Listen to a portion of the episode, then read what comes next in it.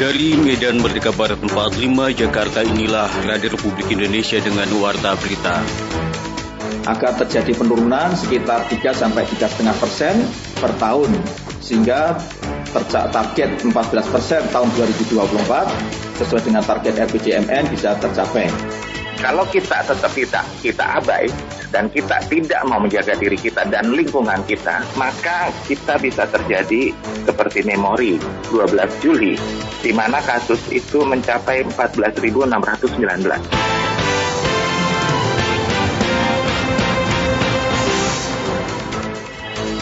Sari Berita Pemerintah menargetkan angka stunting turun 3 hingga 3,5 persen setiap tahun. Waspada kasus COVID-19 varian Omikron di Jakarta terus meningkat. Inilah warta berita selengkapnya hari Minggu tanggal 23 Januari 2022 bersama saya Sugandi Avandi.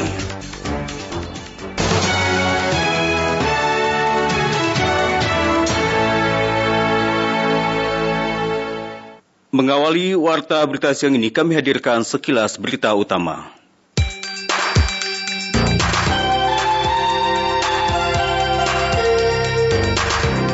Indonesia kembali menerima 1,2 juta dosis vaksin COVID-19 Pfizer dari vaksin Global Access atau COVAX dan vaksin tiba semalam.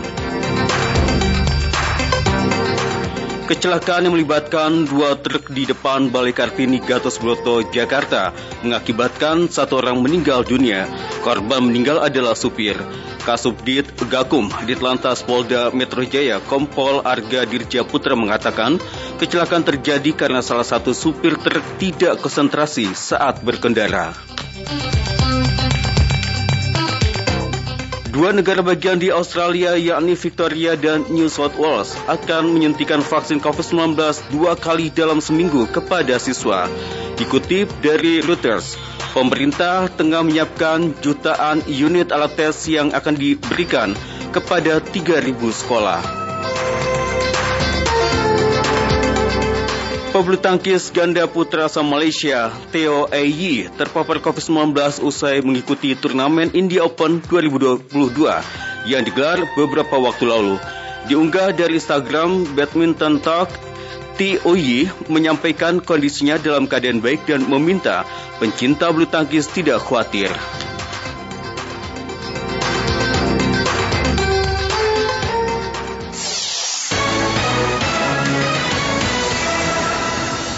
Pemerintah menargetkan angka stunting turun 14 persen pada tahun 2024 mendatang. Menteri Koordinator Bidang Pembangunan Manusia dan Kebudayaan, Muhajir Effendi mengatakan, untuk mencapai target tersebut, pemerintah akan menurunkan angka stunting 3 hingga 3,5 persen setiap tahun. Dan berikut Fitra Maria melaporkan. Assalamualaikum warahmatullahi wabarakatuh. Rekan-rekan wartawan sekalian, Terima kasih. Atas... Sesuai amanat Presiden, pemerintah Indonesia terus menurunkan angka stunting agar terciptanya sumber daya manusia yang unggul. Berdasarkan data survei status gizi balita Indonesia tahun 2021, proporsi stunting masih berada di angka 24,4 persen atau sekitar 5,33 juta balita.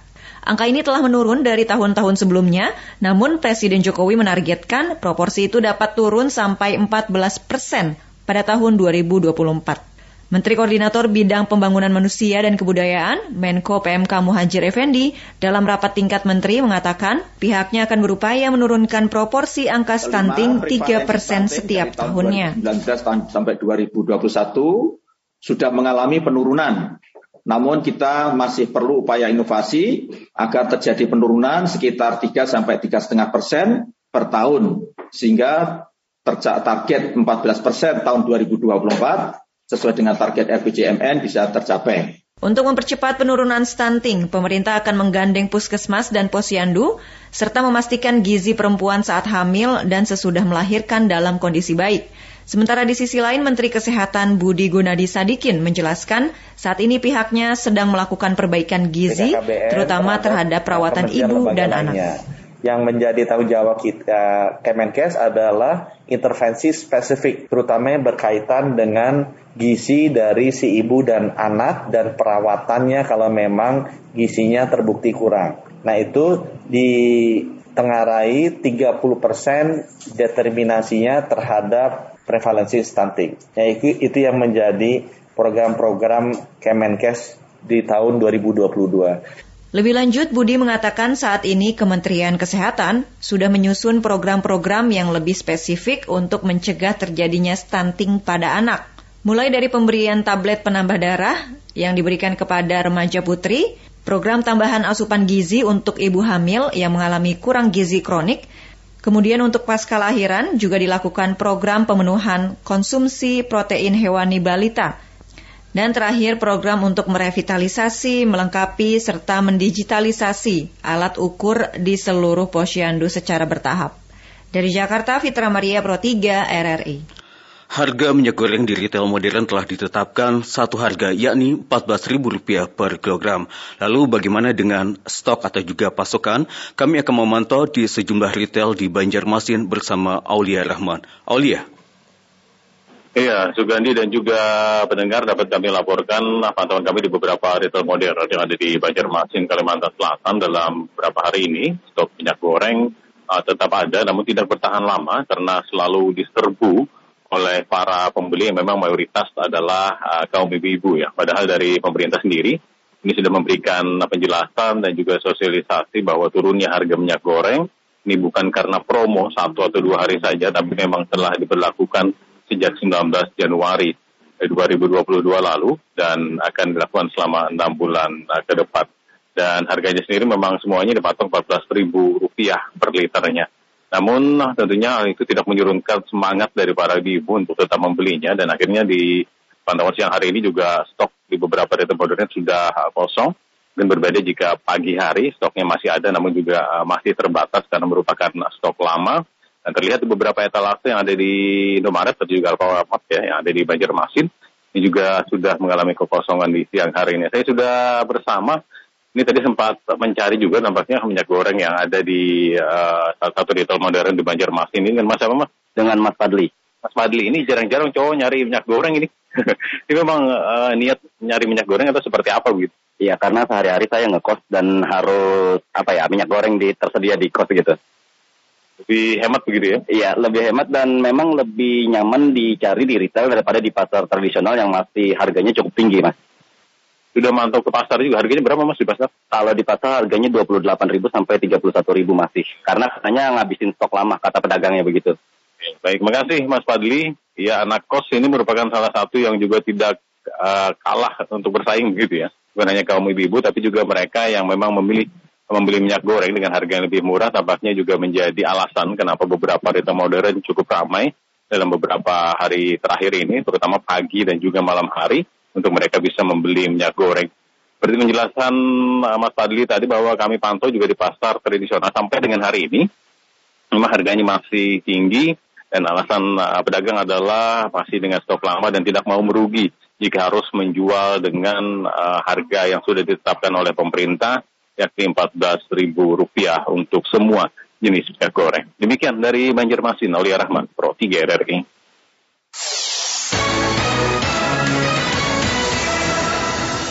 Rencana pembelajaran tatap muka atau PTM 100% untuk jenjang siswa SD dan SMP di Kota Madiun terpaksa ditunda karena ada dua siswa terpapar COVID-19 yang berasal dari klaster Bank BNI di Madiun. Kendati demikian, status PPKM berada di level 1. Berikut kami hadirkan informasi ini bersama Eka Wulan. Rencana pembelajaran tatap muka PTM 100% untuk siswa jenjang SD dan SMP di Kota Madiun ditunda. Ini dampak dari adanya klaster BNI 46 kantor cabang Madiun yang mengakibatkan dua pelajar di Kota Pendekar terpapar COVID-19. Masing-masing satu siswa SD Muhammadiyah dan SMP Negeri 2. Padahal sedianya PTM 100% dimulai minggu depan. Kepala Dinas Pendidikan Kota Madiun Lismawati mengatakan, Pemkot tidak ingin mengambil resiko jika PTM 100% tetap dilaksanakan, sekalipun vaksinasi anak usia 6 hingga 11 tahun nyaris tuntas. Menurutnya, jika kondisinya belum memungkinkan, maka untuk sementara waktu PTM dilaksanakan secara terbatas. Langkah itu sekaligus sebagai upaya mengantisipasi penyebaran COVID-19 khususnya di kalangan pelajar. Karena kondisinya masih seperti ini, adanya klaster BNI 46 tersebut, kami berhati-hati untuk menjaga supaya tidak terjadi penyebaran lagi. PTM-nya masih secara terbatas dulu, belum jadi 100%, supaya landai dulu jadi kondisi kota Madiun nanti kalau sudah landai, sudah aman, baru nanti kami laksanakan secara 100% PTM. Ia menyebut skema penerapan PTM terbatas masih sama seperti sebelumnya, yakni 50% siswa dari kapasitas kelas. Untuk jenjang SD, PTM terbatas dilaksanakan dua shift dengan durasi belajar maksimal 3 jam pelajaran per hari. Sedangkan bagi siswa jenjang SMP, diterapkan 50% PTM di sekolah dengan durasi belajar maksimal 2 jam pelajaran per hari, selebihnya mengikuti pembelajaran jarak jauh PJJ atau diberikan penugasan terstruktur.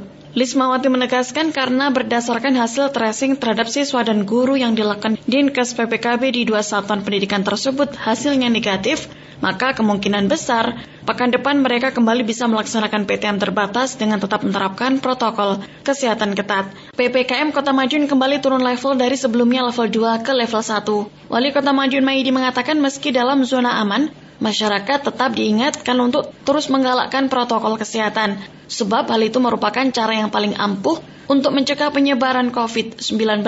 Di satu sisi, dirinya menghimbau masyarakat untuk meningkatkan kewaspadaan terhadap munculnya COVID-19 varian baru Omikron. Alhamdulillah untuk kota ini level kita level 1. Harusnya ada level kosong, tetapi karena ada level 1 ya kita terendah. Ini maka kita harus kita kebut untuk pencegahannya.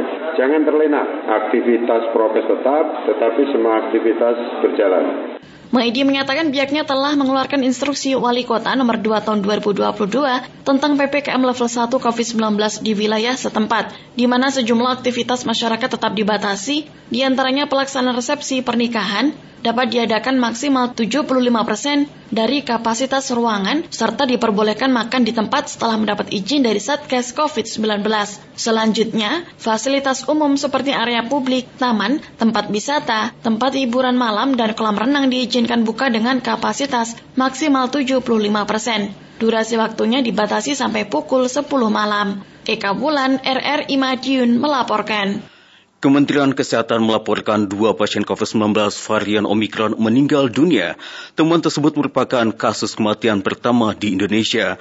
Reviewer Riset Nasional untuk Poltekkes dan Litbangkes Kementerian Kesehatan Republik Indonesia, Dr. Yusuf Kristianto mengatakan masyarakat harus waspada karena positivity rate di Jakarta mencapai 8,3 persen atau meningkat jika dibandingkan dengan sebelumnya hanya 0,9 persen.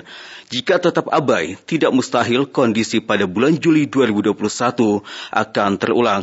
Saat itu kasus mencapai 14 ribu per hari dengan rekor kematian tertinggi mencapai 265 orang per hari. Hal itu disampaikan oleh Dr. Yusuf dalam wawancara bersama Pro 3 RRI. Karena sudah terjadi penularan lokal, maka SOP-nya adalah sama seperti kita uh, waktu awal ya. Jadi mikro lockdown, kemudian saya rasa PPKM udah bisa ditingkatkan levelnya, ya. Tetapi kata kunci berikutnya adalah uh, kita sendiri menyadari bahwa kita adalah orang yang bertugas untuk menjaga diri kita sendiri. Itu kata kuncinya, agar tidak terjadi penularan lebih banyak. Yang saya khawatirkan adalah, saya, saya ada catatan ya. Catatan orang yang tertular pada 12 Juli adalah 14.619 di Jakarta, ya. bukan di, di Indonesia. Anda kebayang nggak? Sekarang kita sudah mencapai 1.000 kan tadi kan? Ya. Kalau kita tetap tidak kita kita abai dan kita tidak mau menjaga diri kita dan lingkungan kita, ya, maka kita bisa terjadi seperti memori 12 Juli di mana kasus itu mencapai 14.619 dan kemudian, 8 hari kemudian, terjadi skor kematian yang sangat tinggi pada 20 Juli, yaitu kematian per hari 265 orang. Itu bukan cerita bohong, itu cerita benar. Adapun dua kasus kematian tersebut dengan rincian, satu orang kasus merupakan transmisi lokal dan satu lainnya adalah pelaku perjalanan dari luar negeri.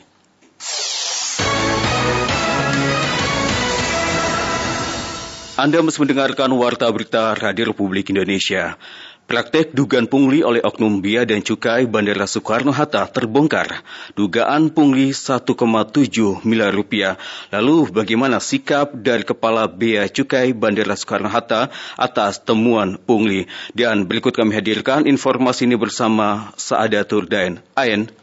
Baik, terima kasih. Pendengar di mana pun Anda berada, masyarakat anti korupsi Indonesia atau MAKI mengadukan dugaan pungutan liar di Bandara Soekarno-Hatta, Tangerang. MAKI menduga ada oknum pegawai bea cukai yang berstatus aparatur sipil negara atau ASN melakukan pungli terhadap usaha jasa kurir.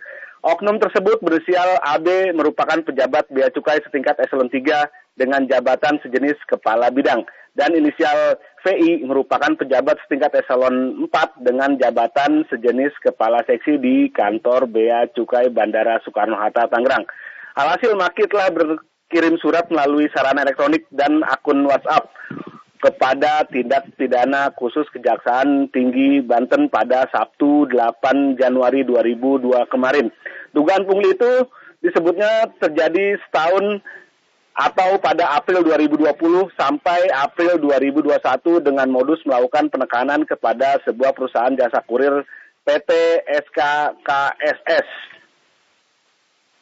Dan setelah dikonfirmasi, Kepala Biaya Cukai Bandar Soekarno-Hatta Pinarimanan melempar tangan terkait adanya dugaan pungli sebesar 1,7 miliar yang dilakukan oleh uh, oknum yang ada di jajarannya. Walaupun menurut pengakuan dari pihak internal Bea dan Cukai bila dua pejabat yang dilaporkan menerima pungli oleh masyarakat anti korupsi sudah dinonjobkan dari jabatannya.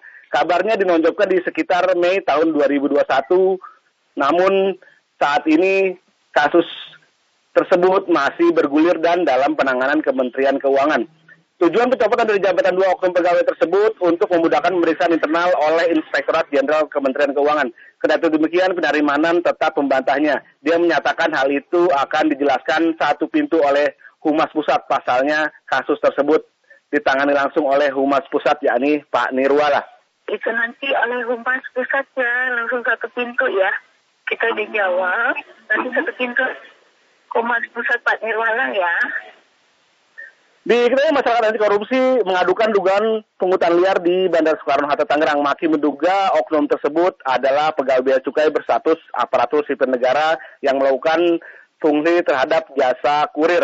Oknum tersebut berinisial AB merupakan pejabat bea cukai yang setingkat eselon 3 dan satu lagi adalah pejabat bea cukai setingkat eselon 4. Demikian langsung dari kawasan Bandara Soekarno-Hatta Tangerang, Banten, saya Udara Pro 3 RRI kembali ke Sugandi.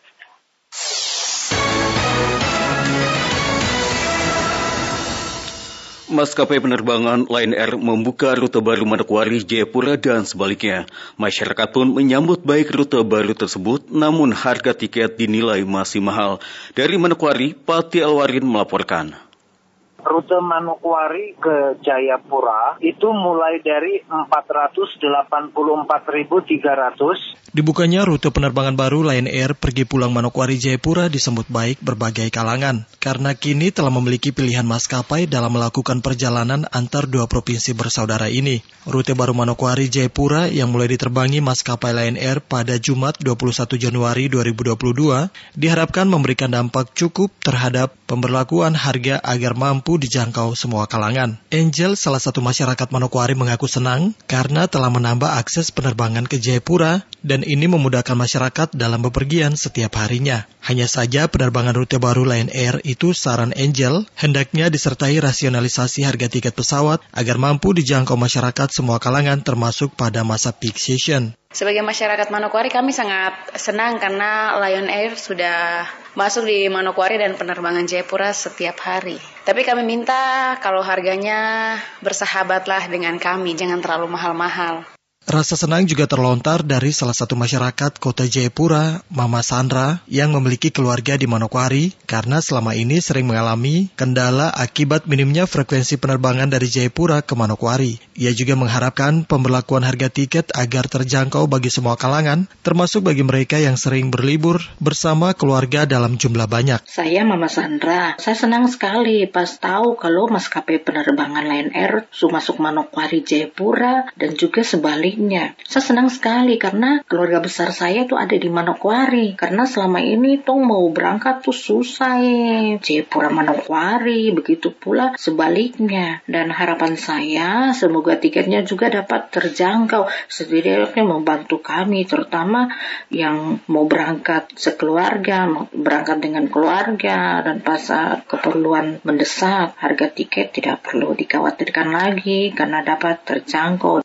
Terhadap pemberlakuan harga tiket untuk rute Manokwari Jayapura atau sebaliknya, menurut Corporate Communication Strategy of Lion Air, Danang Mandala Prihantoro, pihaknya tetap mengacu pada regulasi di mana untuk tarif Manokwari ke Jayapura mulai dari Rp480.300, sedangkan dari Jayapura ke Manokwari mulai dari Rp514.300. Untuk penawaran harga tiket satu kali jalan, rute Manokwari ke Jayapura itu mulai dari Rp484.300 dan rute Jayapura ke Manokwari mulai dari Rp514.000 1.300 tarif tersebut sangat terjangkau sehingga akan mengakomodir kebutuhan masyarakat termasuk wisatawan maupun pebisnis yang akan melakukan perjalanan dengan pembukaan rute perdana mendatang itu juga memberikan kesempatan bagi banyak orang terutama penumpang lebih ke konektivitas yang luas. Danang Mandala Prihantoro menyebut penambahan rute baru Manokwari Jayapura yang selama belum diterbangi Lion Air ini akan membantu pemerintah dan masyarakat dalam percepatan pembangunan antar wilayah yang terkoneksi melalui jasa penerbangan udara Lion Air.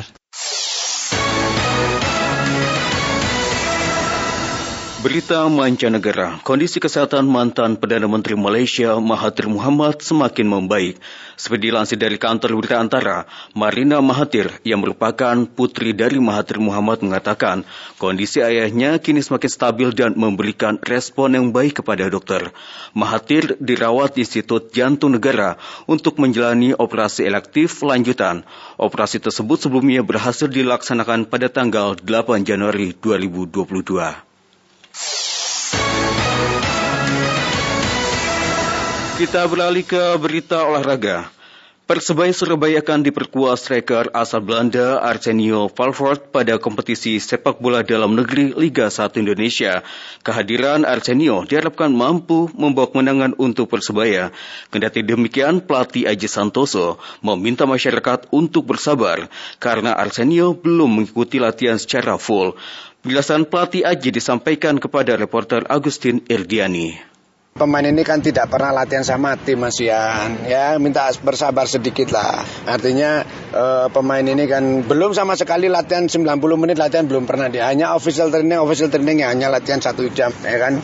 Latihan official training itu bukan latihan taktik, sudah tidak ada lagi di latihan taktik kan gitu. Ya kan dia pemain baru. Penampilan Arsenio sempat mendapatkan sorotan karena dinilai tidak maksimal saat Persebaya melawan PSM Makassar.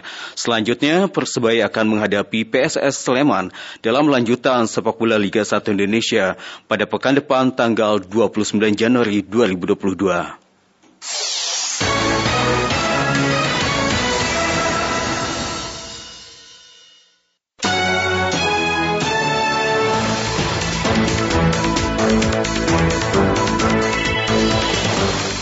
Selepas ini kami akan menghadirkan kembali Indonesia Menyapa Siang. Dapatkan juga beragam informasi aktual dari portal resmi kami di www.rri.co.id serta ikuti media sosial terverifikasi kami di Instagram dan Twitter at RRI Programa 3. Saya Suganda Fandi, selamat siang.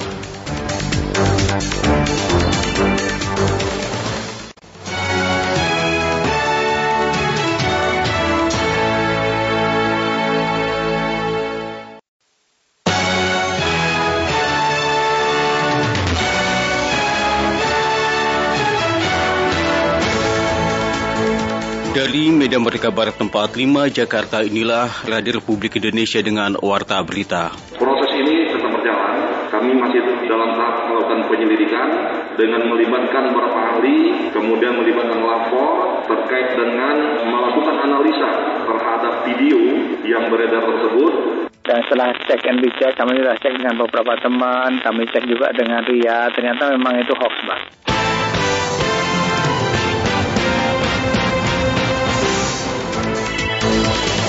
Sari Berita, polisi menggandeng ID tangani kasus dugaan vaksin kosong untuk siswa SD di Medan. Kabar Raja Arab Saudi dipastikan tidak benar.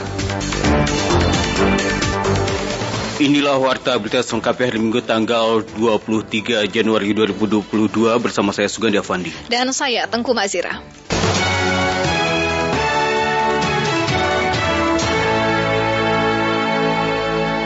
Mengawali warta berita malam hari ini kami hadirkan sekilas berita utama.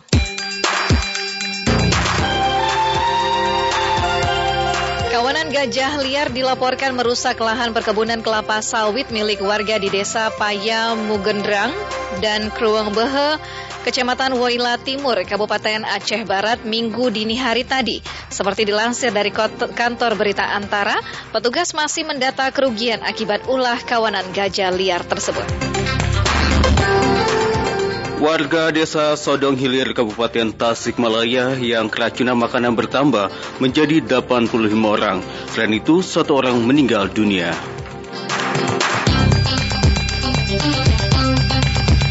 Petenis Spanyol Rafael Nadal memastikan tiket perempat final Australian Open 2022 usai menundukkan Adrian Manarino dari Perancis dengan skor ketat 7-6 dan 6-2. Nadal akan ditandang Denis Pavlovov.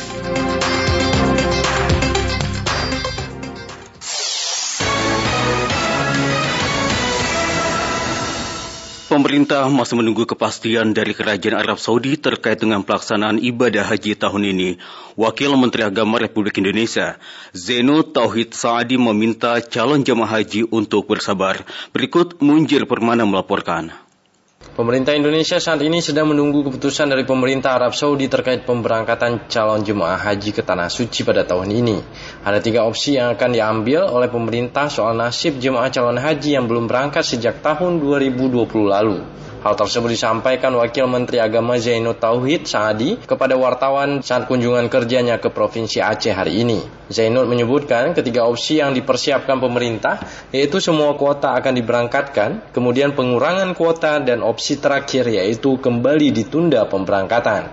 Menurut Zainud, pemerintah dalam hal ini Kementerian Agama sedang menunggu kepastian dari pemerintah Arab Saudi terkait pemberangkatan jemaah calon haji. Dia meminta kepada jemaah calon haji agar bersabar karena kondisi saat ini yang belum pasti akibat COVID-19. Ditambah lagi adanya varian baru Omikron.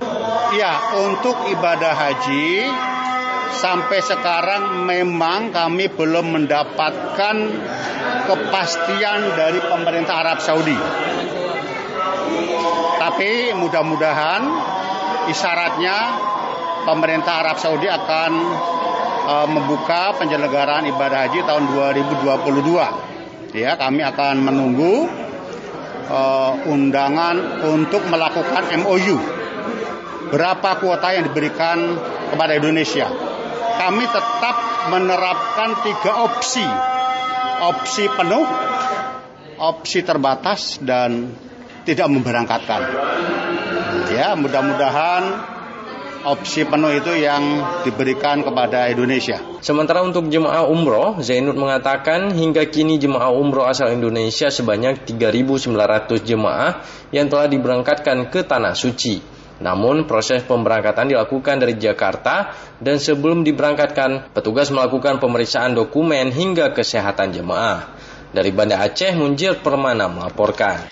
Pendengar beredar kabar simpang siur bahwa Raja Arab Saudi Salman bin Abdul Aziz Al Saud meninggal dunia. Dihubungi Radio Republik Indonesia, Konsul Jenderal Republik Indonesia Konjen RI Jeddah, Eko Hartono, memastikan kabar Raja Salman meninggal adalah bohong. Raja Salman tetap beraktivitas seperti biasa. Dan setelah cek and recheck, kami sudah cek dengan beberapa teman, kami cek juga dengan Ria, ternyata memang itu hoax, Bang. Dan memang sudah sering kali isu uh, meninggalnya Raja Salman ini dihembuskan ya sejak tahun kapan tuh? Mungkin 2020 sudah ada beberapa kali yeah. isu mengenai wafatnya beliau. Mm-hmm. Tapi ya sampai sekarang uh, info yang kami uh, dapat ya memang beliau masih sehat, artinya masih masih apa namanya melaksanakan tugas-tugas. Eko Hartono menjelaskan masyarakat tetap beraktivitas seperti biasa, begitu pula di kerajaan karena pada dasarnya berita hoaks hanya beredar di media sosial.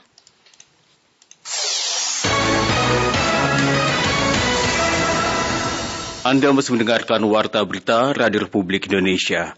Polisi akan menggandeng Ikatan Dokter Indonesia atau IDI dan Laboratorium Forensik untuk menguji kebenaran isi video yang memperlihatkan penyuntikan vaksinasi kosong yang dilakukan seorang dokter kepada siswa sekolah dasar di Kota Medan. Berikut Joko Saputra melaporkan. Proses ini tetap berjalan. Kami masih dalam tahap melakukan penyelidikan dengan melibatkan terkait tindak lanjut penyelidikan terhadap kasus dugaan penyuntikan vaksinasi kosong yang dilakukan seorang dokter di Kota Medan pada acara vaksinasi anak usia 6 hingga 11 tahun pada 17 Januari 2022. Tim penyidik Direktorat Reserse Kriminal Umum Polda Sumatera Utara akan melakukan uji laboratorium forensik. Hal itu dilakukan untuk mengetahui pasti ada tidaknya kandungan cairan vaksin yang disuntikan dokter selaku tenaga vaksinator ke tubuh siswa sekolah dasar. Direktur Reserse Kriminal Umum Polda Sumatera Utara Kombes Pol Tatan Dirsan Atmaja mengungkapkan uji laboratorium menjadi salah satu tahap penyelidikan. Proses ini tetap berjalan. Kami masih dalam tahap melakukan penyelidikan dengan melibatkan beberapa ahli, kemudian melibatkan lapor terkait dengan melakukan analisa terhadap video yang beredar tersebut, kemudian melakukan pembandingan terhadap video yang melaksanakan vaksinasi dengan aktivitas yang lain atau mungkin di tempat yang lain. Selain melakukan uji laboratorium, tim penyidik juga sebelumnya sudah melakukan pemeriksaan beberapa saksi, di antaranya orang tua si anak berinisial K yang merekam penyuntikan vaksin, termasuk meminta keterangan dari dokter berinisial G yang melakukan penyuntikan vaksin kepada siswa sekolah dasar. Barang bukti yang kami sita, bekas jarum suntik yang telah digunakan kegiatan vaksin tersebut, kemudian buku agenda terkait dengan daftar anak yang dilakukan vaksin, kemudian rekaman video yang telah kita ambil dari ibu inisial K yang merekam pada saat kegiatan vaksin tersebut. Sementara itu, Dr. G yang turut dihadirkan di Mapolres Belawan juga meminta maaf kepada pihak Polri, masyarakat, serta ID atas dugaan kelalaiannya karena telah menyuntikan vaksin kosong tanpa cairan ke siswa sekolah dasar Wahidin. Kepada pihak Polri, kepada pihak Polri, kepada masyarakat, kepada ID dan di Medan, saya mohon maaf atas kesilapan yang saya perbuat ini. Sementara Wali Kota Medan Bobi Afif Nasution menyayangkan peristiwa tersebut bisa terjadi. Bobi juga menyerahkan hasil pemeriksaan terduga pelaku ke pihak yang berwajib untuk memastikan tindakan yang dilakukan oleh vaksinator tersebut lalai atau ada unsur kesengajaan. Selain dokter dan perawat yang melakukan penyuntikan, penanggung jawab harus betul-betul ikut serta bertanggung jawab karena nanti pertanyaan berikutnya kalau memang dosisnya tidak ada, dosisnya dikemanakan yang tidak disuntikan. Nah, oleh karena itu yang disampaikan Pak Karinis kemarin, penanggung jawab kegiatan harus juga ikut bertanggung jawab. Sebelumnya video yang sempat viral di media sosial memperlihatkan seorang tenaga vaksinator tampak menyuntikkan vaksin tanpa terlebih dahulu memasukkan cairan vaksin ke dalam jarum suntik yang diduga tidak berisi. Video tersebut direkam saat pelaksanaan vaksinasi anak usia 6 hingga 11 tahun yang digelar Polsek Medan Labuan bekerjasama dengan Rumah Sakit D5 Martubung di Sekolah Dasar Wahidin, Kota Medan pada 17 Januari lalu. Demikian Joko Saputra melaporkan. Sementara itu, Gubernur Sumatera Utara Edi Rahmayadi akan menghukum dokter yang menyuntikkan vaksin kosong kepada siswa SD di Kota Medan jika terbukti bersalah. Dari Kota Medan, Indra Widyastuti melaporkan selengkapnya. Vaksinnya kosong, tak boleh. Video pemberian vaksin kosong terhadap siswa SD di Medan yang viral di media sosial turut mengejutkan Gubernur Sumatera Utara Edi Rahmayadi. Edi bahkan menegaskan vaksinator yang menyuntikkan vaksin kosong tersebut harus dihukum jika terbukti bersalah. Karena menurutnya selain melanggar aturan, penyuntikan vaksin kosong dikhawatirkan membahayakan kesehatan penerima, apalagi penerima merupakan siswa sekolah dasar. Edi menyesalkan jika benar vaksinator yang diketahui seorang dokter itu benar-benar menyuntikkan vaksin kosong. Padahal vaksinasi yang digencarkan pemerintah saat ini untuk meningkatkan imunitas dan membentuk kekebalan kelompok terhadap COVID-19 yang masih mewabah dengan varian-varian baru. Saya akan cek itu. Tak boleh. Vaksinnya kosong. Kayaknya jauh kali lah, tak mungkin lah itu. Tapi nanti kita buktikan. Nanti akan kita cari itu. Kita hukum lah, sudah pasti kita hukum. Tak boleh itu, itu udah pasti, udah pasti kalau salah pasti kita hukum. Itu kan mencederai orang itu. Sementara Kepala Dinas Kesehatan Kota Medan Taufik Ririansyah mengatakan peristiwa tersebut terjadi di SD swasta Dr. Wahidin di Jalan Yosudarso, Kecamatan Medan, Labuhan, Kota Medan pada 17 Januari lalu. Dinas Kesehatan sudah berkoordinasi dengan Ikatan Dokter Indonesia terkait kemungkinan pemberian sanksi jika benar dokter tersebut memberikan vaksin kosong kepada siswa. Uh, sudah pasti, mm-hmm. kalau dia terbukti dia kosong, kemungkinan uh, pihak Polres saya kami tidak tahu lah hukuman mm-hmm. apa yang terjadi, tetapi kalau di pihak kita, makanya saya berkoordinasi dengan ID dan PDUI untuk membicarakan hal tersebut, apakah bisa disanksi dengan kode etik, karena dia bukan fasilitas pemerintah, jadi kita harus ke induknya langsung yang menaungi dokter organisasi profesi. Kasus pemberian vaksin kosong ini juga sudah ditangani Polres Pelabuhan Belawan dengan memeriksa vaksinator yang merupakan seorang dokter yang bekerja di rumah sakit swasta di Kota Medan.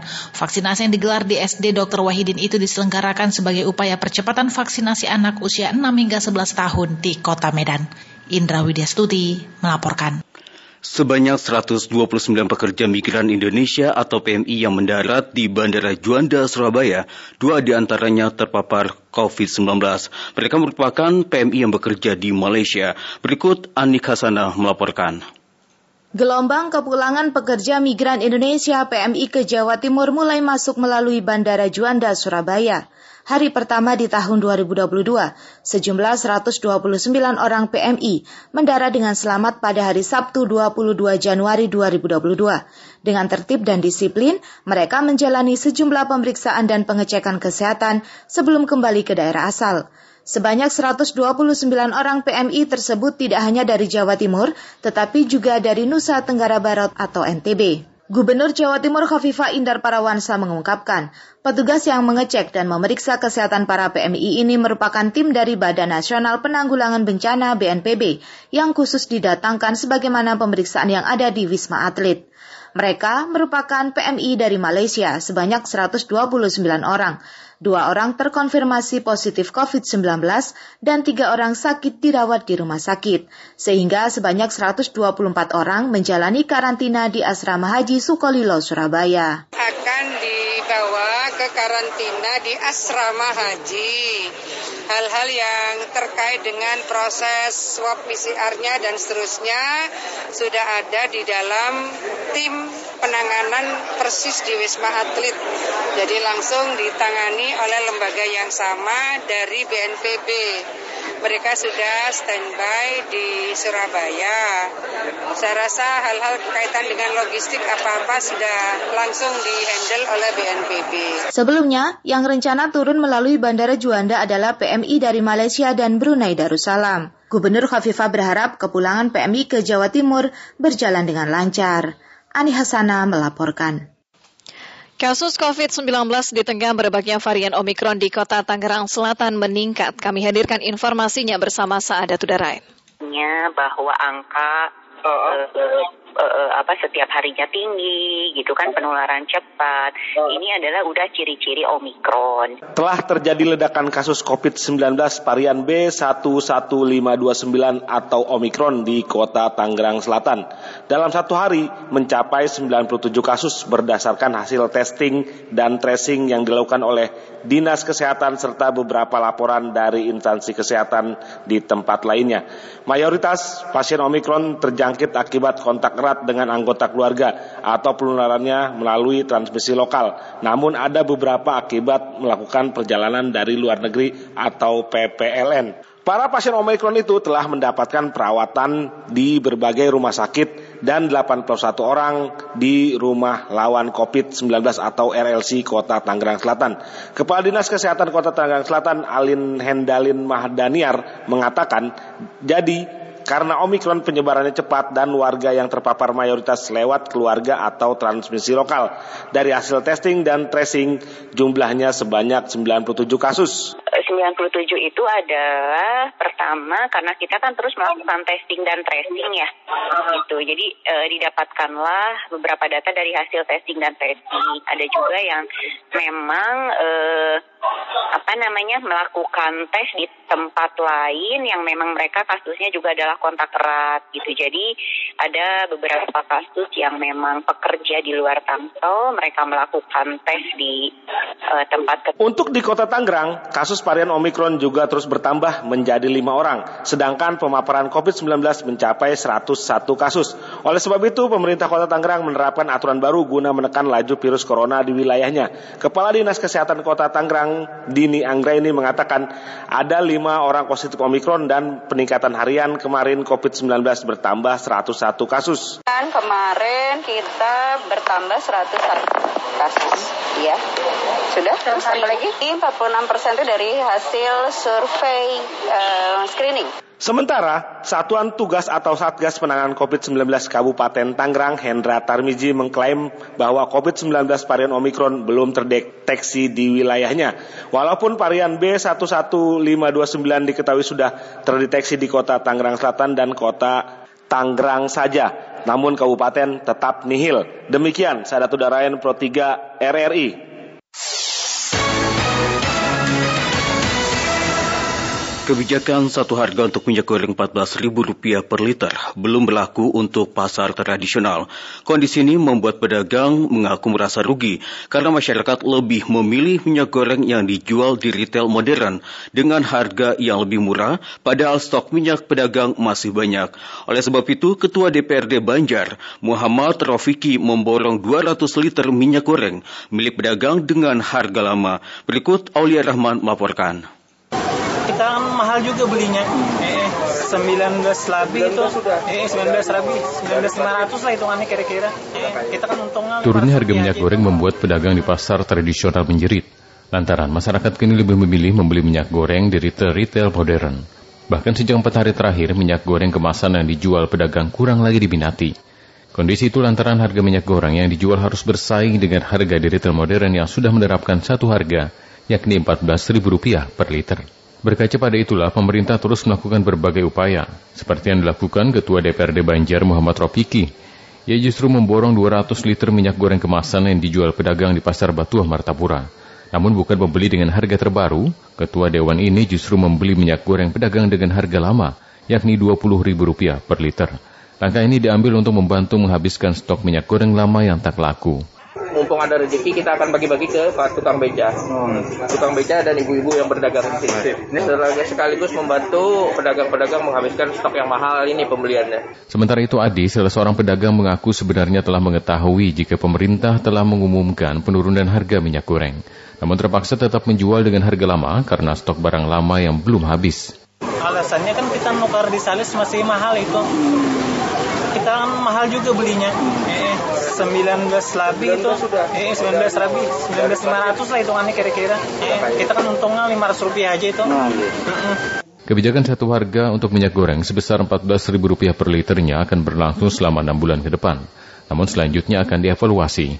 Dalam upaya mendukung program tersebut, pemerintah juga telah menyiapkan minyak goreng sebanyak 250 juta liter per bulannya.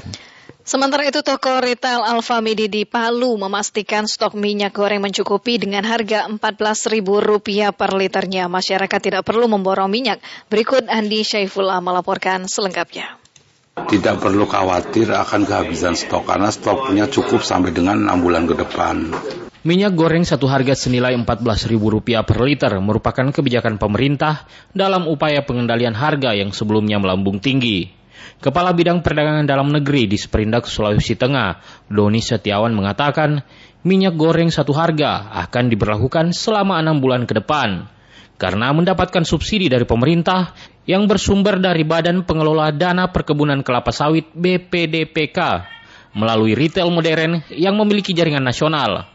Sementara untuk swalayan lokal serta pasar tradisional masih menunggu perkembangan audiensi dengan pelaku usaha. Ada bagian dari subsidi pemerintah di dalamnya yang sumber dana dari Badan Pengelola Dana Perkebunan Kelapa Sawit.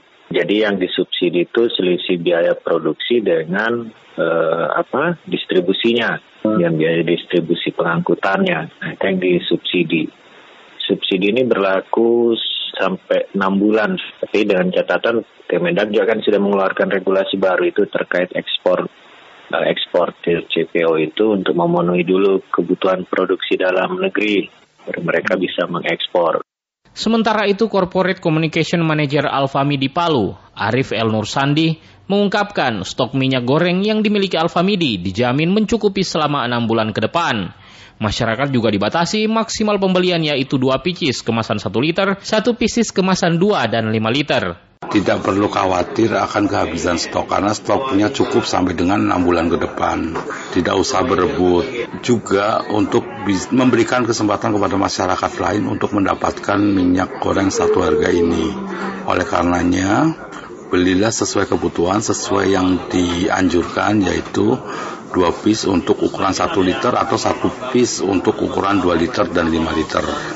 Jika memang stok hari ini habis, masyarakat bisa datang lagi besok atau lusa. Nggak usah berebut, nggak usah panik, nggak kebagian, semua pasti akan kebagian. Harapannya masyarakat tidak perlu khawatir akan ketersediaan stok hingga memborong barang tersebut karena jika di toko telah habis akan segera disediakan kembali. Internasional mendengar pertempuran antara ISIS dan pasukan Kurdi di Suriah pada hari keempat menewaskan 120 orang, tujuh di antaranya adalah warga sipil. Pemantau perang mengatakan bahwa pasukan Kurdi telah berhasil menangkap kembali lebih dari 100 tahanan ISIS yang mencoba melarikan diri.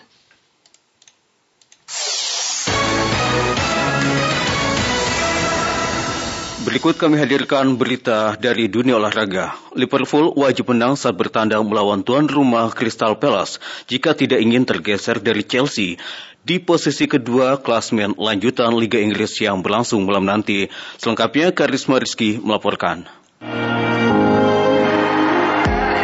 Liverpool akan bertandang melawan Crystal Palace pada pekan ke-23 Premier League musim ini di Selhurst Park. Liverpool baru saja memastikan diri lolos ke final EFL Cup atau Carabao Cup Kelolosan pasukan Jurgen Klopp ditentukan oleh sepasang gol Diogo Jota ke gawang Arsenal. Terkini Liverpool akan melanjutkan perjuangan mereka untuk mencoba mengejar pemimpin klasemen Manchester City. Saat ini Liverpool berada di peringkat 2 dengan selisih 11 poin. Kemenangan atas Vales pun diincar. Namun, itu tidak bakal mudah, sebab tim besutan Vieira cukup sulit dikalahkan saat main kandang. Jelang laga nanti, pelatih Liverpool, Jurgen Klopp nilai performa tuan rumah menunjukkan perkembangan yang bagus dan dirinya akan mewaspadai barisan penyerang Palace. Uh, um, Mereka terlihat seperti tim yang sangat stabil sekarang. Mereka memiliki sistem yang tidak terlalu banyak berubah, tapi mereka tim yang sangat bagus. Saya selalu menyukainya. Di sana ada Townsend, Saha, dan jelas itu mendukung semua orang di lapangan, dan pertahanan yang baik juga. Mereka adalah tim liga utama yang sangat bagus, dengan beberapa hasil yang tidak beruntung. Saya melihat pada 20 pertandingan Crystal Palace, tetapi saya melihat beberapa dan saya pikir itu baik-baik saja ketika mereka kalah atau seri. Jadi kami mengharapkan yang terbaik dari pertandingan yang sulit ini. so yeah, we expect a tough, a really tough game. Vales tercatat selalu mencetak dua gol atau lebih dalam empat pertandingan kandang terakhir mereka di liga. Ini bakal menjadi sebuah tantangan buat Liverpool yang bertekad untuk membawa pulang 3 poin di Selhurst Park. Pelatih Crystal Palace, Patrick Vieira, mengakui Liverpool merupakan tim yang hebat di Eropa. Namun skuadnya telah menantikan laga yang penting ini. You know, Liverpool, I believe, is kami pikir tim menjadi lebih baik, tetapi kami belum sampai di sana. Dan Anda tahu, saya percaya Liverpool adalah salah satu tim terhebat di Eropa. Cara mereka saya pikir bermain sangat bagus. Mereka bisa menang, tetapi mereka juga bisa kalah. Tetapi Anda akan selalu menikmati menonton mereka bermain, karena intensitas yang mereka berikan ke dalam permainan itu, jadi kami menantikan melawan mereka. Karena itu menjadi tantangan bagi kami. They can win, they can lose, but you always gonna enjoy watching them play because of the intensity. Dalam catatan laga terakhirnya, Crystal Palace imbang dengan Brighton 1-1 pada Januari lalu. Sementara itu, pada pertemuan terakhir kedua tim, Liverpool menang telak atas Crystal Palace 3-0 pada September tahun lalu. Pastinya pasukan Vieira akan berjuang penuh demi 3 poin karena bermain di kandang sendiri. Diprediksi Crystal Palace akan memakai formasi 4-3-3. Begitu juga Liverpool yang akan menggunakan pola yang sama, yakni 4-3-3. Dari Jakarta, Karisma Rizky, Pro 3, RRI.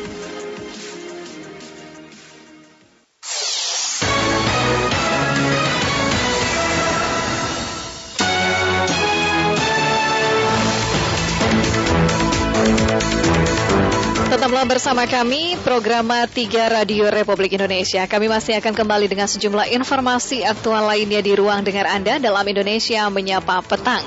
Dapatkan juga beragam informasi aktual lainnya dari portal resmi kami www.rri.co.id serta ikuti media sosial terverifikasi kami, Twitter dan juga Instagram at RRI Programa 3. Saya Tengku Mazira. Dan saya Sugandi Avandi. Selamat malam.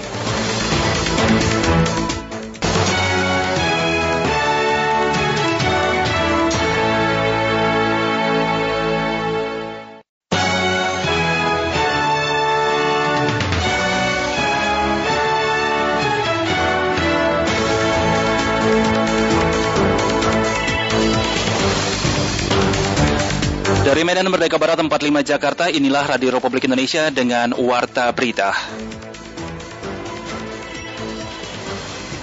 Kita masih perlu upaya inovasi agar terjadi penurunan sekitar 3 sampai 3,5 persen per tahun sehingga target 14 persen tahun 2024 sesuai dengan target RPJMN bisa tercapai. Untuk ibadah haji sampai sekarang memang kami belum mendapatkan kepastian dari pemerintah Arab Saudi. Kami tetap menerapkan tiga opsi, opsi penuh, opsi terbatas, dan tidak memberangkatkan.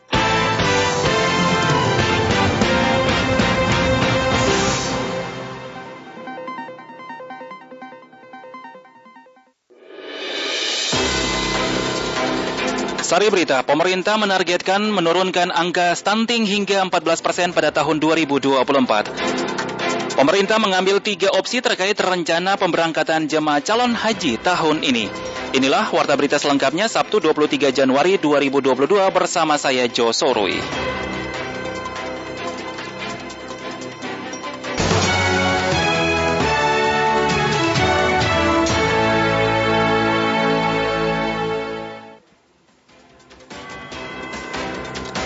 Mengawali warta berita pagi ini, pendengar kami sampaikan sekilas berita.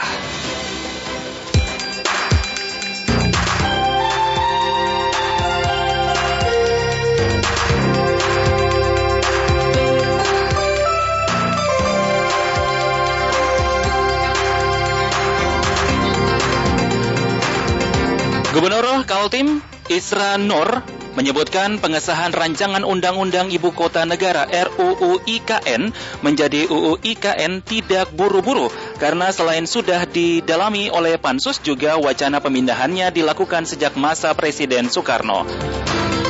Menteri Komunikasi dan Informatika Johnny G. Plate mendorong peningkatan kualitas sumber daya manusia SDM di bidang digital guna memaksimalkan manfaat adopsi teknologi yang menciptakan berbagai jenis pekerjaan baru. Taiwan mengalami lonjakan kasus COVID-19 pada Sabtu telah 70 setelah 70 karyawan pabrik elektronik di zona perdagangan bebas kota Taoyuan, Taiwan dinyatakan positif.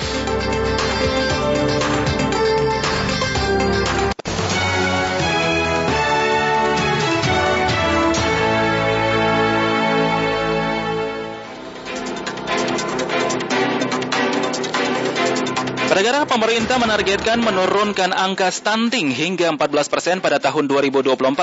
Menteri Koordinator Bidang Pembangunan Manusia dan Kebudayaan Menko PMK Muhajir Effendi memastikan pihaknya akan berupaya menurunkan angka stunting 3 persen setiap tahunnya. Fitra Mariah melaporkan. Assalamualaikum warahmatullahi wabarakatuh. Rekan-rekan wartawan sekalian, Terima kasih. Atas... Sesuai amanat Presiden, pemerintah Indonesia terus menurunkan angka stunting agar terciptanya sumber daya manusia yang unggul. Berdasarkan data survei status gizi balita Indonesia tahun 2021, proporsi stunting masih berada di angka 24,4 persen atau sekitar 5,33 juta balita. Angka ini telah menurun dari tahun-tahun sebelumnya, namun Presiden Jokowi menargetkan proporsi itu dapat turun sampai 14 persen pada tahun 2024. Menteri Koordinator Bidang Pembangunan Manusia dan Kebudayaan, Menko PMK Muhajir Effendi, dalam rapat tingkat menteri mengatakan pihaknya akan berupaya menurunkan proporsi angka stunting 3 persen setiap tahunnya. 2019 sampai 2021 sudah mengalami penurunan Namun kita masih perlu upaya inovasi agar terjadi penurunan sekitar 3 sampai 3,5 persen per tahun sehingga target 14 persen tahun 2024 sesuai dengan target RPJMN bisa tercapai. Untuk mempercepat penurunan stunting, pemerintah akan menggandeng puskesmas dan posyandu, serta memastikan gizi perempuan saat hamil dan sesudah melahirkan dalam kondisi baik. Sementara di sisi lain, Menteri Kesehatan Budi Gunadi Sadikin menjelaskan saat ini pihaknya sedang melakukan perbaikan gizi, terutama terhadap perawatan ibu dan anak yang menjadi tanggung jawab kita Kemenkes adalah intervensi spesifik, terutama yang berkaitan dengan gizi dari si ibu dan anak dan perawatannya kalau memang gizinya terbukti kurang. Nah itu ditengarai 30% determinasinya terhadap prevalensi stunting. Nah, itu, itu yang menjadi program-program Kemenkes di tahun 2022. Lebih lanjut, Budi mengatakan saat ini Kementerian Kesehatan sudah menyusun program-program yang lebih spesifik untuk mencegah terjadinya stunting pada anak. Mulai dari pemberian tablet penambah darah yang diberikan kepada remaja putri, program tambahan asupan gizi untuk ibu hamil yang mengalami kurang gizi kronik, kemudian untuk pasca lahiran juga dilakukan program pemenuhan konsumsi protein hewani balita dan terakhir program untuk merevitalisasi, melengkapi, serta mendigitalisasi alat ukur di seluruh posyandu secara bertahap. Dari Jakarta, Fitra Maria Pro 3 RRI.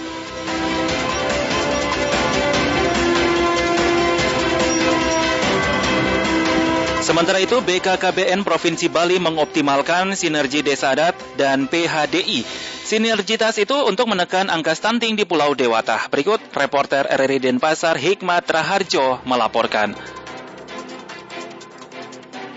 Presiden Joko Widodo mencanangkan angka stunting di Indonesia turun hingga 14 persen pada tahun 2024. Pemerintah tentu memiliki pekerjaan rumah besar untuk menurunkan angka stunting sebesar 2,7 persen per tahun. Kerja yang tidak ringan, mengingat angka stunting secara nasional saat ini masih menyentuh 24,4 persen. Kepala Perwakilan BKKBN Provinsi Bali Dr. Niluh Gede Sukardiasih mengakui pihaknya saat ini tengah berpacu dengan waktu. Badan Kependudukan dan Keluarga Berencana Nasional BKKBN Bali pun disebut mengoptimalkan sinergi dan kolaborasi berkelanjutan secara lintas sektoral. Ditanya tantangan pengentasan stunting, Sukardiase membeberkan dua kendala yaitu langsung dan tidak langsung atau sensitif serta spesifik. Permasalahan sensitif adalah faktor sanitasi, kemiskinan, dan pendidikan. Itu memang signifikan dengan pemetaan stunting yang tahun 2021 terakhir dari SSGI itu di Karangasem kan masih tinggi itu. Karangasem, dari Klungkung, eh, kemudian di Bangli dan di Jembrana. Dikatakan angka stunting di Bali saat ini 10,9 persen. Sedangkan untuk stunting di Karangasem, Kelungkung, Bangli, dan Jemberana masih menyentuh angka 15 persen sampai 20 persen. Nah tentunya itu masih menjadi hambatan kita. Kemudian dalam uh, penerapan nanti kita mencegah dari hulu, terutama nanti calon pengantin ini yang kita hambatan. BKKBN Bali dipastikan bakal memberikan edukasi kepada calon pengantin. Edukasi itu idealnya diberikan tiga bulan sebelum prosesi pernikahan. Pemeriksaan calon pengantin, kata Sukardiasih baru mulai dijalankan tahun ini. Dalam mendukung langkah ini, BKKBN disebut telah bekerja sama dengan unsur desa adat. Reporter RRI Denpasar Hikmat Rarjo melaporkan.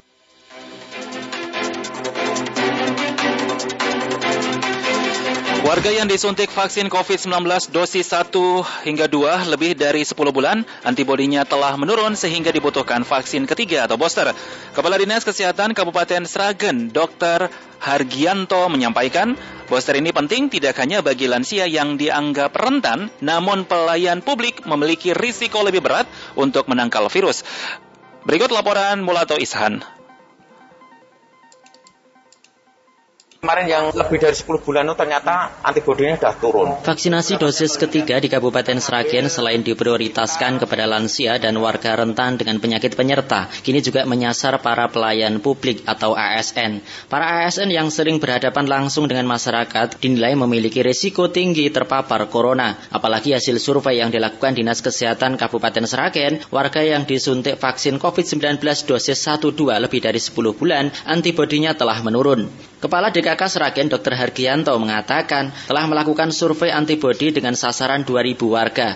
Hingga saat ini survei masih berlangsung dan sudah mengambil sampel sekitar 1.500 warga. Hasil yang didapat antibodi menurun terjadi pada penerima vaksin yang sudah lebih dari 10 bulan. Sementara itu, tenaga kesehatan yang telah dibooster beberapa bulan lalu menunjukkan peningkatan antibodi yang signifikan menjadi puluhan ribu. Sehingga penyuntikan vaksin booster terhadap lansia dan juga ASN pelayan publik ini menjadi penting agar mereka aman dari virus corona. Baru selesai sekitar 1.500. Untuk sudah suntik 10 bulanan menurun. Dan yang nakes yang nakes kemarin kan sudah dosis 3 ya, itu antibodi masih tinggi sekali. Ya memang penting.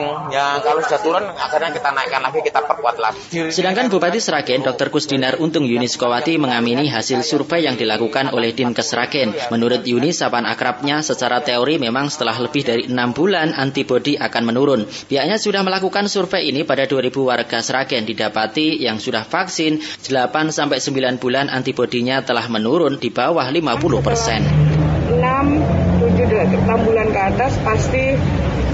turunnya antibodi kita. Nah untuk membuktikan itu tentu harus ada tes yang namanya sero survei dan memang didapatkan yang sudah vaksin di atas. Bupati Yuni mengatakan Maret hingga April diprediksi puncak varian Omikron di Indonesia diharapkan tidak sampai ke Seragen. Kalaupun terjadi tidak menimbulkan kegaduhan seperti varian Delta lalu karena saat ini kondisinya lebih siap baik fasilitas kesehatan maupun cakupan vaksinasi sudah sampai dosis ketiga. Diharapkan dengan penyuntikan booster ini masyarakat akan lebih aman dari paparan varian Omikron. RRI Surakarta melatih melaporkan.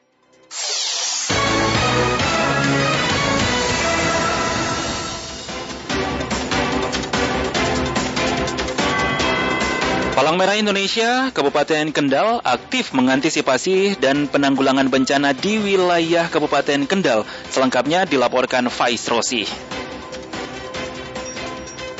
Untuk informasi bencana-bencana kita selalu karena punya jaringan dengan tim relawan yang lain dan juga masyarakat. Palang Merah Indonesia PMI Kabupaten Kendal aktif mengantisipasi bencana di wilayah Kabupaten Kendal.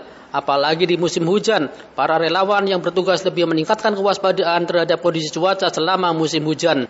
Selama 24 jam di markas PMI Kendal yang juga dijadikan posko penanggulangan bencana, selalu ditugaskan staf dan sejumlah anggota Korps Sukarelawan atau KSR. Petugas yang dibagi menjadi tiga sip ini selalu memantau kondisi cuaca, suhu, kelembaban udara, kecepatan angin, juga kondisi lalu lintas di Jalan Pantura. Petugas juga secara berkala melaporkan kondisi terkini.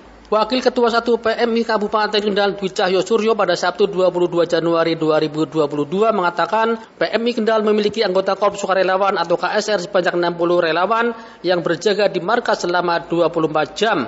Mereka dibagi menjadi tiga sip yang selalu siaga. Di masing-masing kecamatan juga ada tim pengurus PMI tingkat kecamatan. PMI Kendal juga mempunyai tim siaga bencana berbasis masyarakat atau SIBAT di 14 desa yang tersebar di 6 kecamatan. Ada 60 lebih nih yang KSR tim relawannya dan selalu siaga di markas suatu saat darurat kita siap. Petugas juga siap melakukan pelayanan sosial dan ambulan 24 jam. Relawan PMI Kabupaten Kendal Muhammad Arif Novianto mengatakan petugas selalu standby di posko PMI selama 24 jam yang dibagi menjadi tiga shift. Dalam kondisi waspada seperti ketika hujan lebat, petugas di markas selalu siaga untuk meminta atau menerima laporan dari para relawan. Jika ada laporan kejadian bencana, maka petugas di markas segera mendatangi lokasi untuk melakukan asesmen, kemudian melakukan penanganan dari beberapa relawan sini kan ada yang di daerah beberapa daerah. Nah itu kita minta pantauan dari teman-teman. Nanti jika ada laporan langsung masuk ke posko. Setelah itu posko asesmen. PMI Kendal selain membantu melakukan penanganan bencana juga memberikan bantuan untuk warga yang terdampak bencana.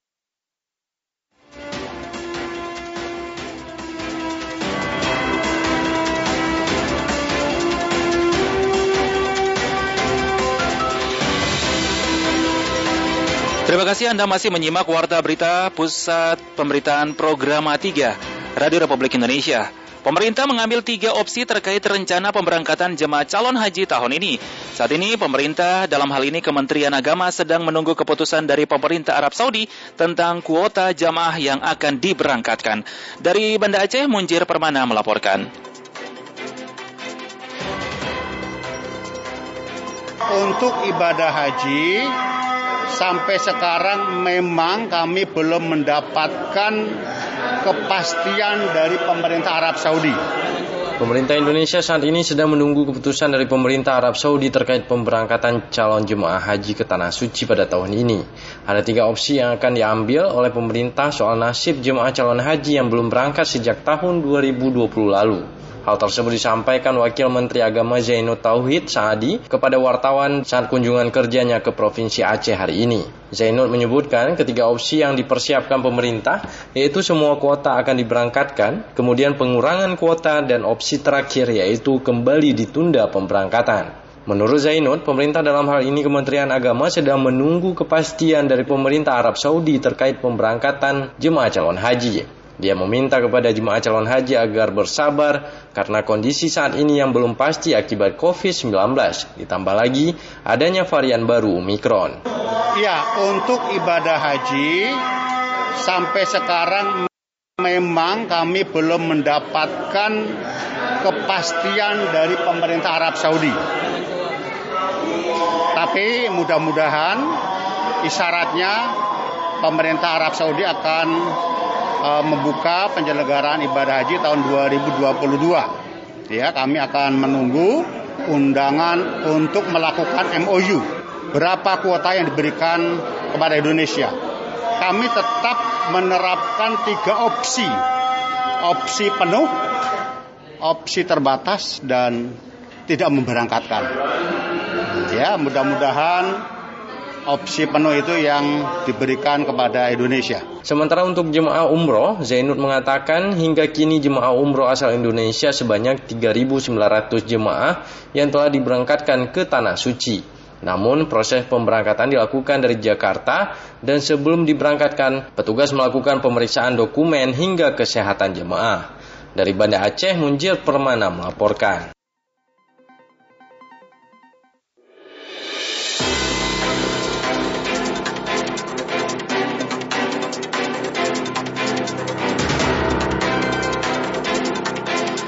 Tim penyidik Direktorat Reserse Kriminal Umum Polda Sumatera Utara masih menyelidiki adanya unsur kelalaian yang dilakukan vaksinator yang diduga menyuntikan vaksin kosong kepada siswa sekolah dasar di Kota Medan. Berikut laporan Joko Saputra. Kepada pihak Polri, kepada masyarakat, kepada individu, Begitulah ucapan permohonan maaf dari seorang dokter berinisial G saat menghadiri konferensi pers yang digelar oleh Direktorat Reserse Kriminal Umum Polda Sumatera Utara di Mapolres Pelabuhan Belawan pada Jumat 21 Januari 2022. Dr. G yang didampingi oleh seorang perawat memohon maaf kepada pihak Polri, masyarakat serta Ikatan Dokter Indonesia IDI atas dugaan kelalaiannya karena telah menyuntikkan vaksin kosong ke siswa sekolah dasar Wahidin di Kecamatan Labuan Deli, Kota Medan. Kepada pihak Polri, kepada masyarakat, kepada individu, di Medan, saya mohon maaf atas kesilapan yang saya perbuat ini. Sementara itu, polisi telah mengungkap identitas Dr. G yang diduga menyuntikkan vaksin kosong ke siswa, merupakan tenaga kesehatan yang bertugas di rumah sakit swasta di Kota Medan. Terkait dugaan kasus tersebut, Direktur Krimum Polda Sumatera Utara Kombes Pol Tatan Dirsan Atmaja memastikan, sampai saat ini pihaknya masih mendalami dugaan kelalaian yang dilakukan petugas vaksinasi tersebut. Untuk memastikan apakah jarum suntik yang disuntikan ke siswa SD kosong atau tidak, pihaknya bersama ID Sumatera Utara dan Kota Medan akan melakukan pengujian di laboratorium forensik. Penyidik sedang bekerja, sedang melakukan pemeriksaan eh, saksi-saksi yang ada, karena kan kegiatan tersebut memang baru terlaksana kemarin tanggal 17. Kemudian ada sekitar 4, dari 500 itu baru 460 yang sudah dilakukan vaksinasi. Jadi kita belum menggali ke sana, ini masih tahap penyelidikan dan kita memberikan keyakinan kepada rekan-rekan bahwa ini tetap berproses, kami tetap menggandeng dari pihak ID untuk menindaklanjuti video viral. Sementara Ketua ID Kota Medan, Dr. Wijaya mengatakan, pihaknya juga akan melakukan investigasi dan berkoordinasi dengan Dinas Kesehatan, tetap pihak penyelenggara dan juga koordinator dari tenaga medis untuk vaksinator tersebut. Kalau dari panduan yang sudah ada di MKEK, sanksi etik itu mulai dari yang ringan sampai yang berat. Nah, dari yang ringan itu biasanya teguran bisa, yang berat itu bisa rekomendasi pencabutan surat izin praktek. Sementara Wali Kota Medan Bobi Nasution menyayangkan peristiwa tersebut bisa terjadi. Bobi juga menyerahkan hasil pemeriksaan terduga pelaku ke pihak yang berwajib untuk memastikan tindakan yang dilakukan oleh vaksinator lalai atau ada unsur kesengajaan. Sudah diperiksa baik dokter dan perawatnya, sudah diperiksa oleh Polrestabes Belawan, sama Polres Belawan. Saya sudah juga berkomunikasi, minta tolong juga dengan Bapak Kapolda untuk betul-betul bisa melihat bagaimana pemeriksaan ini berjalan dengan seluruh-seluruhnya. Tidak sampai di situ, dugaan kasus penyuntikan vaksin kosong juga mendapat tanggapan dari Gubernur Sumatera Utara Edi Ramayadi. Sanksi berat bisa saja diberikan bagi pelaku karena tindakan tersebut bertolak belakang dengan program pemerintah yang tengah gencar untuk melakukan vaksinasi terhadap anak. Saya akan cek itu, tak boleh. Ini kosong, kayaknya jauh kali lah, tak mungkin lah itu. Tapi nanti kita buktikan, nanti akan kita cari itu. Tak boleh itu, itu udah pasti, udah pasti kalau salah pasti kita hukum. Itu kan mencederai orang. Sebelumnya peristiwa penyuntikan vaksin yang diduga kosong terjadi di Sekolah Dasar Wahidin, Kecamatan Medan Labuan, Kota Medan pada Senin 17 Januari 2022. Video tersebut direkam saat pelaksanaan vaksinasi anak usia 6 hingga 11 tahun yang digelar di Polsek Medan Labuhan bekerja sama dengan Rumah Sakit D5 Martubung. Sehingga akhirnya video tersebut juga lantas viral di media sosial. Demikian Joko Saputra melaporkan.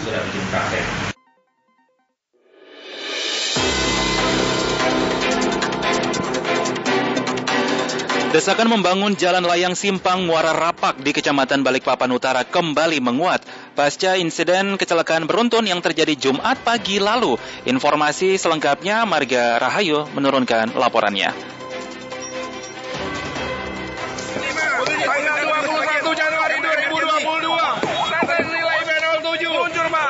Meluncur, meluncur. Banyak korban. Banyak korban, Pak. Banyak korban, Pak. Banyak korban, Pak. Banyak korban, Pak. Perjaduan, Pak.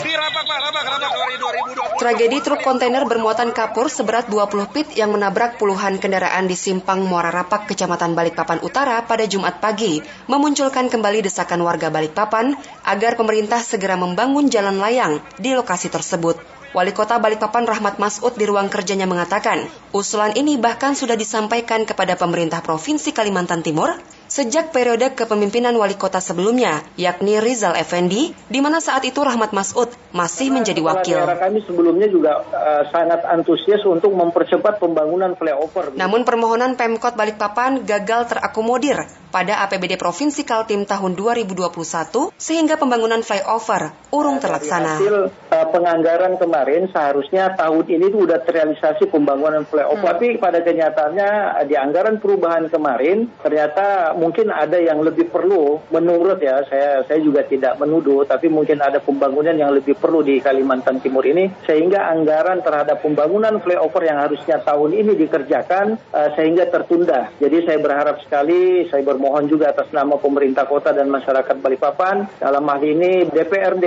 uh, Dapil Balikpapan yang ada di provinsi tentunya bisa berkomunikasi dan tentunya meminta kepada Bapak Gubernur untuk bisa merealisasikan anggaran sehingga flyover itu bisa terrealisasi di kota Balikpapan untuk menghindari korban-korban yang lain eh, bisa RRI pun meminta konfirmasi kepada Pemprov Kaltim. Sekretaris Daerah Kaltim HM Sabani usai menghadiri peringatan HUT Kota Samarinda di Gor Segiri mengakui Usulan Pemkot Balikpapan telah disampaikan ke DPRD. Namun parlemen bersepakat menolak proyek jalan layang jika pembangunannya menggunakan dana provinsi. Sikap DPRD diakui Sakbani menyulitkan Pemprov yang berkeinginan membantu kota Balikpapan. Flyover Rapak itu kan sudah ditolak oleh DPRD provinsi, ya.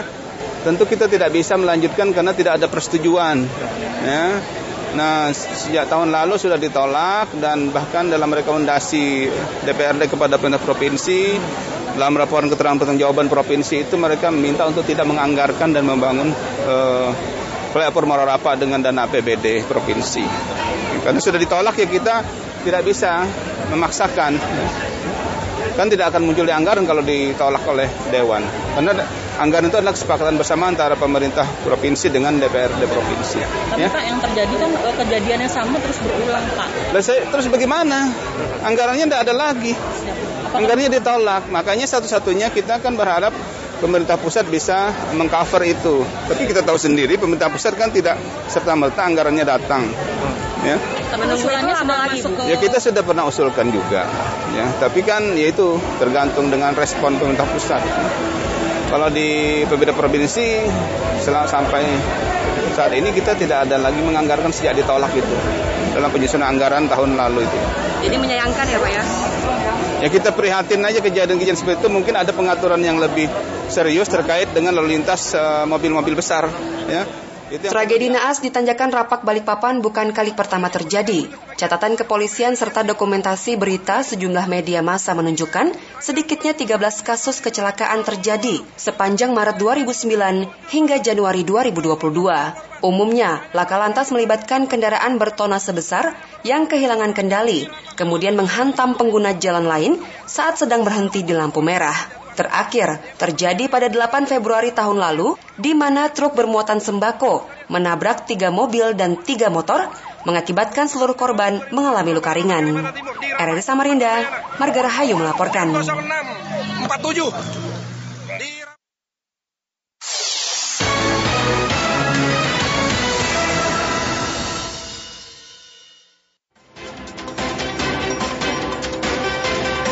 Informasi dari luar negeri, seorang jurnalis wanita terkemuka di Turki ditahan. Ia diduga menghina Presiden Recep Tayyip Erdogan dalam siaran langsung di televisi. Menteri Kehakiman Turki Abdul Hamid Gul bicara di Twitternya mengutuk ujaran kebencian yang dilontarkan jurnalis wanita tersebut. Sementara Serikat Jurnalis Turki mengecam atas penahanan jurnalis tersebut. Mereka menyebut penangkapan Kabas sebagai serangan serius terhadap kebebasan berekspresi. Kelompok hak asasi secara rutin menuduh Turki merusak kebebasan media dengan menangkap wartawan dan menutup media kritis. Terutama sejak Erdogan selamat dari kudeta yang gagal pada Juli 2016.